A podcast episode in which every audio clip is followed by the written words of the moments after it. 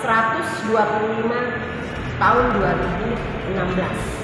Assalamualaikum warahmatullahi wabarakatuh. Waalaikumsalam warahmatullahi wabarakatuh. Sumut bermartabat. Hari ini kita uh, ngobrol bareng bersama dengan uh, Ketua Komisi 1A dari fraksi PKS, Bapak Indro. Uh, gimana kabarnya Bang? Alhamdulillah baik, Mbak. Ya, salam sehat selalu Salam ya. sehat, salam dari eh, lembaga DPRD Sumatera Utara untuk masyarakat Sumatera Utara. Iya. Uh, terkait uh, kemarin nih Bang, penggusuran uh, pengungsi Afghanistan yang di Jalan Imam Munjol dekat Plaza CMB uh, itu adalah kantor NU. Uh, Kira-kira uh, gimana menurut tanggapan Abang selaku uh, fraksi dari PKS dan juga DPRD Sumut?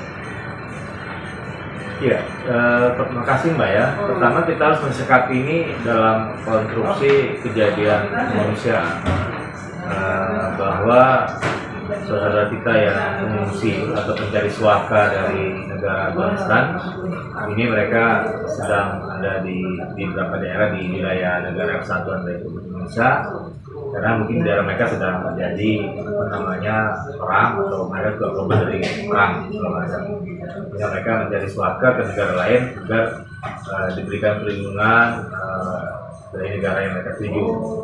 Nah, kalau eh, terkait dengan kejadian kemarin penggusuran terhadap para pencari suaka atau pengungsi dari saya dari negara Afghanistan, maka kita juga eh, sedih ya, prihatin. Kenapa eh, kita tidak punya empati dan simpati serta kemanusiaan kita untuk membantu sesama? Karena mereka bagaimanapun kita bicara tentang eh, apa kemanusiaan kan? Jadi siapa pun dia kalau di negara dia sedang terjadi sebuah konflik negara perang atau atau diperang oleh negara lain maka warga negara bisa menjadi suaka itu ke negara lain. Dengan semangat dia bisa diberikan perlindungan dilindungi dan nyawanya terjaga dengan baik. Seperti itu. Artinya kalau kemarin itu ada pembubaran begitu kita sedih dan prihatin di mana hati kita? Di mana eh, apa namanya kita? Di mana rasa kemanusiaan kita. Misalnya negara kita sedang diperangi oleh negara lain, terus kita mencari suaka negara lain. Kalau misalnya kita begitu kan gimana rasanya? Nah, begitu. Jadi ini kan bicara hati dan bicara kemanusiaan. Uh, artinya di sini uh, terkesan ada pembiaran ya. Jadi kalau pembiaran eh, bisa jadi seperti itu juga. Kalau memang memang serius ya negara mau mengurus masalah pencari suaka ini, maka negara harus hadir karena eh, itu sudah ada dalam regulasi di Indonesia itu sudah ada eh, peraturan Presiden Republik Indonesia nomor 125 ya tahun 2016 hadirin sekalian masyarakat Sumatera Utara dan masyarakat Indonesia di mana berada tentang penanganan pengungsi dari luar negeri. Ya jadi ini eh, apa perpres eh, regulasinya cukup kokoh dan itu sudah dijelaskan bahwa uh, di perpres ini diatur bagaimana upaya-upaya negara Indonesia dalam menangani masalah pengungsian untuk mencari suaka dari negara lain. Dan di sektor sini adalah Menteri uh, Bidang Politik, Hukum dan Keamanan. Artinya kita melihat bahwa sampai detik ini, di titik ini, bahwa belum ada uh, keseriusan dari pihak pemerintah uh, dalam ini Pak Menko Polhukam uh, untuk mengurus dan memberikan kepastian kepada para pencari suaka dari negara lain di Indonesia. Dan mereka ini harus dimanusiakan apalagi kita dalam kondisi pandemi ini eh, apa kita tidak mudah eh, semua warga negara semangat dari pemerintah untuk dia divaksin. Nah, kita harus memastikan mereka sudah divaksin dulu. Ya kan belum lagi kita bicara bagaimana eh, kebutuhan dasar mereka. Negara Indonesia sebagai tempat tujuan mereka mencari suaka hadir nggak untuk memberikan apa kebutuhan dasar itu?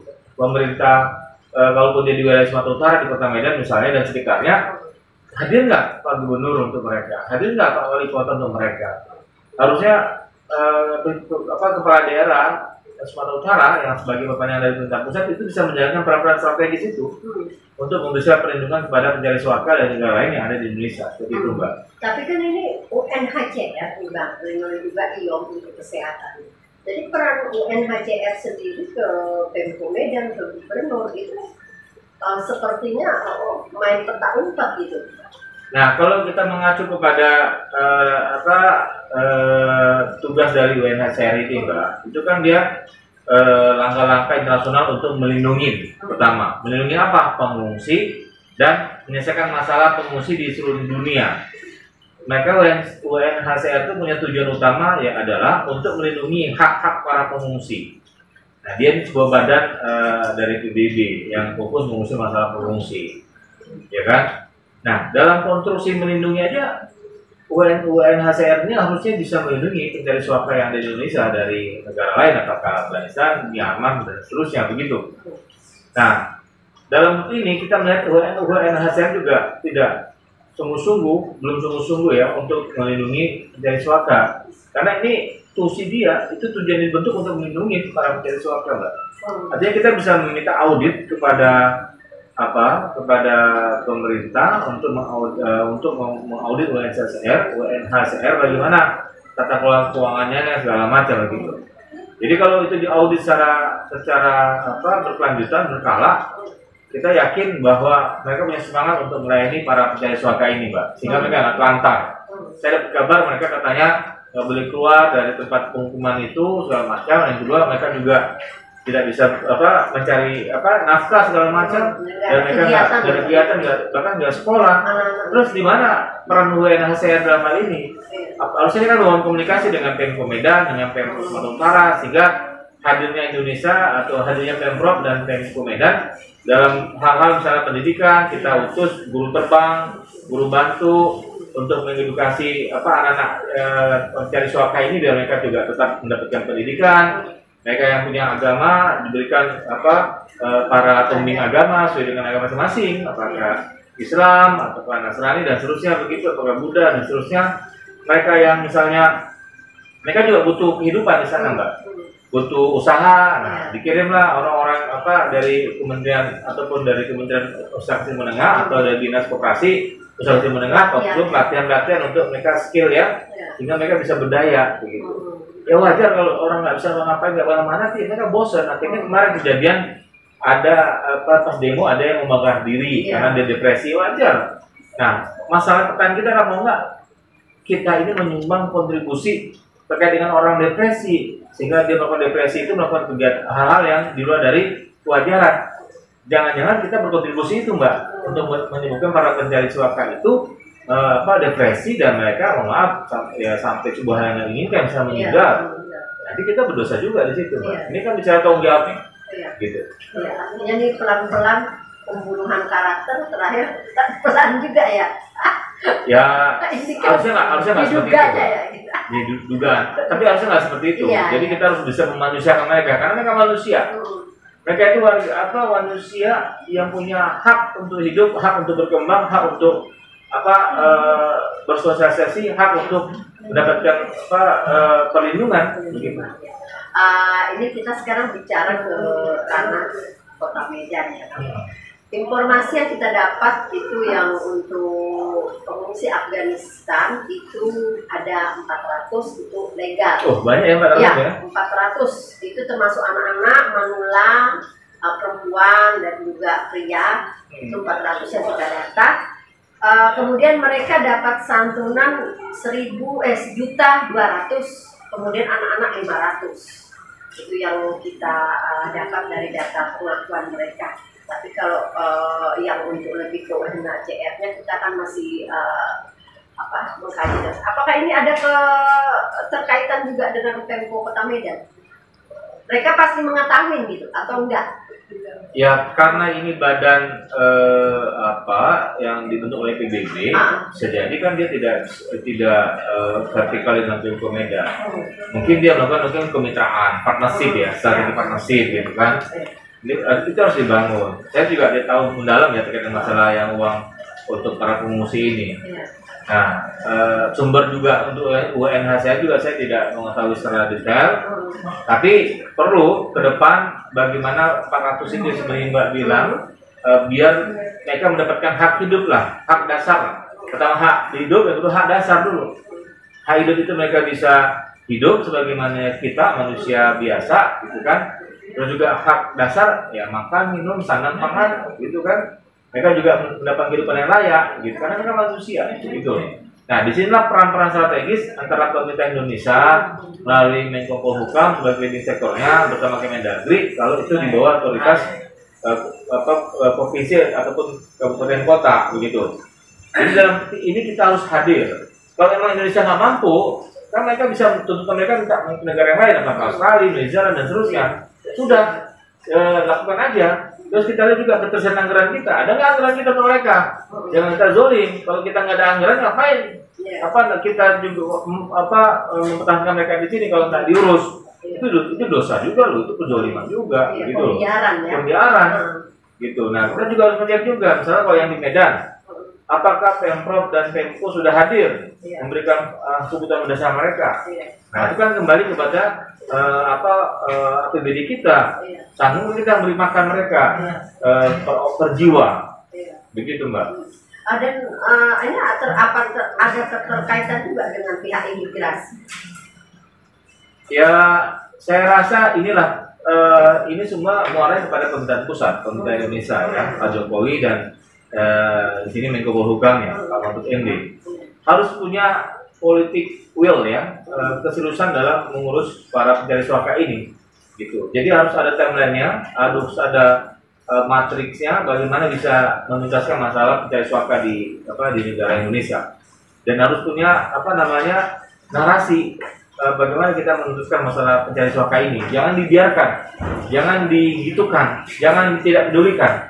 Mereka harus diberikan kepastian, gitu. Nah, kita belum bisa, saya rasa menurut hemat saya, kita belum bisa memberikan rasa kepastian hukum terhadap para pencari suaka itu. Ah, ini menurut eh, pandang apa? Seandainya ah, solusi untuk mereka ah, pulang ke negaranya tidak ah, bisa. Kebetulan dubesnya tutup bang di Indonesia, tutup semua dunia baru di Afghanistan. Jadi bingung nih, ya kan? Kalau mereka dimasukkan sebagai warga negara Indonesia, gimana ah, pandangan abang? Kira-kira Kalau itu kita levelnya nggak di apa DPRD provinsi ya, itu Ah, ah. levelnya di DPR RI, Ah. di ranah kebijakan pemerintah pusat, Iya. eh, apa apakah Pak Jokowi dan DPR RI. Kalau selama itu untuk melindungi eh, jiwa, Ah. ya dalam rangka untuk menyelamatkan jiwanya, nggak ada masalah saya. atau di dilempar ke pulau misalnya ada pulau kosong diberdayakan lagi itu gimana menurut abang? Ya eh, bagi saya prinsipnya dulu kita lihat regulasi kita. Hmm. gitu apa ketika orang berpindah kependudukan itu itu kan harus diproses dulu secara administrasi kenegaraan begitu loh Iya. Dan ditanyakan kepada yang bersangkutan apakah mau berpindah berpindah ke warga negara atau tidak. Begitu loh. Iya. nah jadi nggak nggak serta merta kita langsung itu solusinya. Hmm. nah hari ini mereka mencari suaka ini eh, karena Indonesia mungkin belum eh, begitu peduli. Mereka mencari tempat yang lain. Nah kalau memang Indonesia nggak sanggup tadi kembali kepada klausul anggarannya ya udah. Kita kita komunikasikan dengan pihak negara lain yang sanggup untuk menerima eh, apa namanya eh, keberadaan mereka gitu mungkin karena kita punya 250 juta terlalu banyak kalau Australia kan New Zealand penduduk kan nggak terlalu banyak Iya. begitu Ah, informasi yang kita dapat untuk Sumatera Utara itu hampir 2000 sekian Iya. pengungsi yang Oh, banyak banyak. Jadi eh, kita juga eh, harapkan kepada DPRD eh, mungkin bisa menyikapin flashback kembali mereka kan, jadi biar terkontrol gitu, abang. Eh, juga kita harapkan juga kepada eh, pemerintah Sumatera Utara dan juga Pemko Medan juga sih. Ah, Kira-kira eh, apa harapan daripada eh, Komisi 1 A untuk eh, hal ini kepada pemerintah Sumatera Utara dan juga eh, Pemko Kota Medan. Ya, jadi begini, kalau mereka mencari uh, mereka ingin dipindahkan ke negara lain, katakanlah dalam hal ini uh, Australia. Saya punya sahabat-sahabat saya di Australia, apakah dia PR, pemain permanen residen, ataupun yang sedang S2, studi di sana. Uh, mereka menyatakan bahwa kalau di Australia itu orang melahirkannya di dalam negara. Orang makan aja di dalam negara. Kesehatan juga di negara. Jadi negara Australia itu hadir untuk warganya. Cuma di cover, karena mungkin jumlah bahkan orang melahirkan itu dibayar oleh melahirkan oleh negara karena jumlah, penduduk mereka masih sangat minim. Dan itu mungkin kenapa para pejabat swasta itu ingin dipindahkan kepada Australia mungkin begitu karena informasi mereka dapat dari saudara mereka yang sudah ke Australia, ternyata Australia itu lebih dimanusiakan, lebih di negara hadir untuk mereka, negara Australia hadir untuk warga negara yang dari swasta di sana, begitu. Nah, uh, di Indonesia kita belum itu ya, belum belum seperti Australia. Karena kita untuk mengcover 250 juta aja luar biasa, ini semungkis. Apalagi kita terbatas segala macam yeah. gitu loh. Belum kita bicara PDI atau orang nggak mampu segala macam. Bagaimana memberikan kepastian kesehatan pada warga yang mampu. Memberikan kepastian masalah pendidikan bagi warga mampu juga kita belum bisa hadir di situ. Tapi kita berupaya untuk ke sana. Nah dalam konstruksi e, bagaimana upaya-upaya signifikan dalam memberikan perlindungan ataupun memberikan perhatian pada pencari suaka dalam warga negara Afghanistan di kota Medan di provinsi Sumatera Utara yang kita ini. Pertama Eh, tawaran kami di DPRD Sumatera Utara fraksi PKS ya. Eh, apa kepada Pak Gubernur Sumatera Utara dan Pak eh, Wali Kota Mas Bobi Nasution, eh, Wakil Gubernur eh, Bang Ijek dan eh, Wakil Wali Kota ya kan Bang Aulia ya. Agar hadir hadir aja dulu. Hadir yang kedua peduli yang ketiga empati kepada mereka Ya, lalu yang keempat responsibility-nya, tanggung jawabnya. Tanggung jawab mereka sebagai kepala daerah. Anggaplah mereka warga Sumatera Utara. Anggaplah mereka sebagai warga Kota Medan yang harus diperhatikan, yang harus dirawat, yang harus dipedulikan dan diberikan pertolongan. Sudah Kalau itu sudah ada empat hal itu di apa di para pemerintah daerah, rasa insya Allah uh, itu bisa diatasi. Nah, yang kedua kita kepada UNHCR juga komunikasi dengan uh, Pemprov dan Pemko untuk bagaimana mencari solusi penanganan ini. Jadi kalau saran PKS ya uh, kita kita berikan perlindungan mereka, kita berikan mereka, kita kasih skill pelatihan segala macam sehingga mereka berdaya. Jangan mesin mereka orang yang di karantina nggak boleh keluar itu juga akan menjadi sebuah ini ya masalah baru juga begitu. Jadi kita ingin dibudayakan mereka berikan skill, pelatihan, terus di, di apa diberikan kebutuhan mendasar. Ya makan minumnya kesehatan mereka itu bagaimana harus terjaga dikasih dokter ataupun perawat di sana. Kalau mereka sakit mereka sudah apa ada penanganan yang lebih lebih baik lah dari kondisi sebelumnya begitu. Nah terkait dengan masalah anggaran eh, kalau DPRD pada prinsipnya kita akan setuju ya. Kalau memang usulan itu ada dari eh, dari Gubernur Sumatera Utara. Dan di belanja kita kan punya BTP belanja tidak langsung. Itu bisa digunakan oleh gubernur dengan uh, perbuk ya untuk mengalokasikan bantuan seperti itu bisa. Itu bisa digunakan dalam regulasi kita. Nanti pada P 2022 nanti kita dukung itu menjadi sebuah produk uh, perdat ya APBD 2022 itu memungkinkan mbak. Yang penting peduli aja. Yang penting ada ide ada semangat ada berempati masalah anggaran itu bisa kita carikan nah tapi kan tetap eksekutif ada di eksekutif bahwa DPD mendorong Nah, terkait dengan masyarakatku yang ada di Sumatera Utara, masyarakat uh, Sumatera Utara, pada Sumatera Pendidikan Jiwa, bagi yang punya kelebihan rezeki bisa membantu saudara, saudara yang mencari suaka. Bayangkan kalau negara kita dalam kondisi perang, kita harus mencari suaka ke negara lain. Nah, kalau kita dimanusiakan, ya kan? Ya di tamunya kita manusiakan gimana kita kalau keluar negeri yang lain kan? Iya. Jadi kalau kita seperti ini gimana kita mau nggak gitu? pasti nggak mau kan di sini uh, apa rasa rasa kita sebagai manusia timbul untuk membantu sesama uh, apa sesama kita sebagai misalnya uh, yang anak manusia apalagi sama muslim itu sering membantu berapa memberikan perhatian pada mereka insya Allah mungkin dengan seperti itu langkah-langkah yang konkret uh, bagi masyarakat di luar dari pemerintah dari ASN ataupun di mana pun berada untuk bisa membantu saudaranya begitu mbak. Iya. Uh, terima kasih banyak ya uh, dengan Bang Hendro ini sungguh luar biasa kali beliau uh, support ya kepada juga uh, pemerintah Sumatera Utara, Pemko Kota Medan dan juga uh, masyarakat Sumatera Utara beserta uh, pencari uh, apa suaka juga ya Bang ya uh, tetap semangat jaga kesehatan dan hadapi selalu dengan tawakal.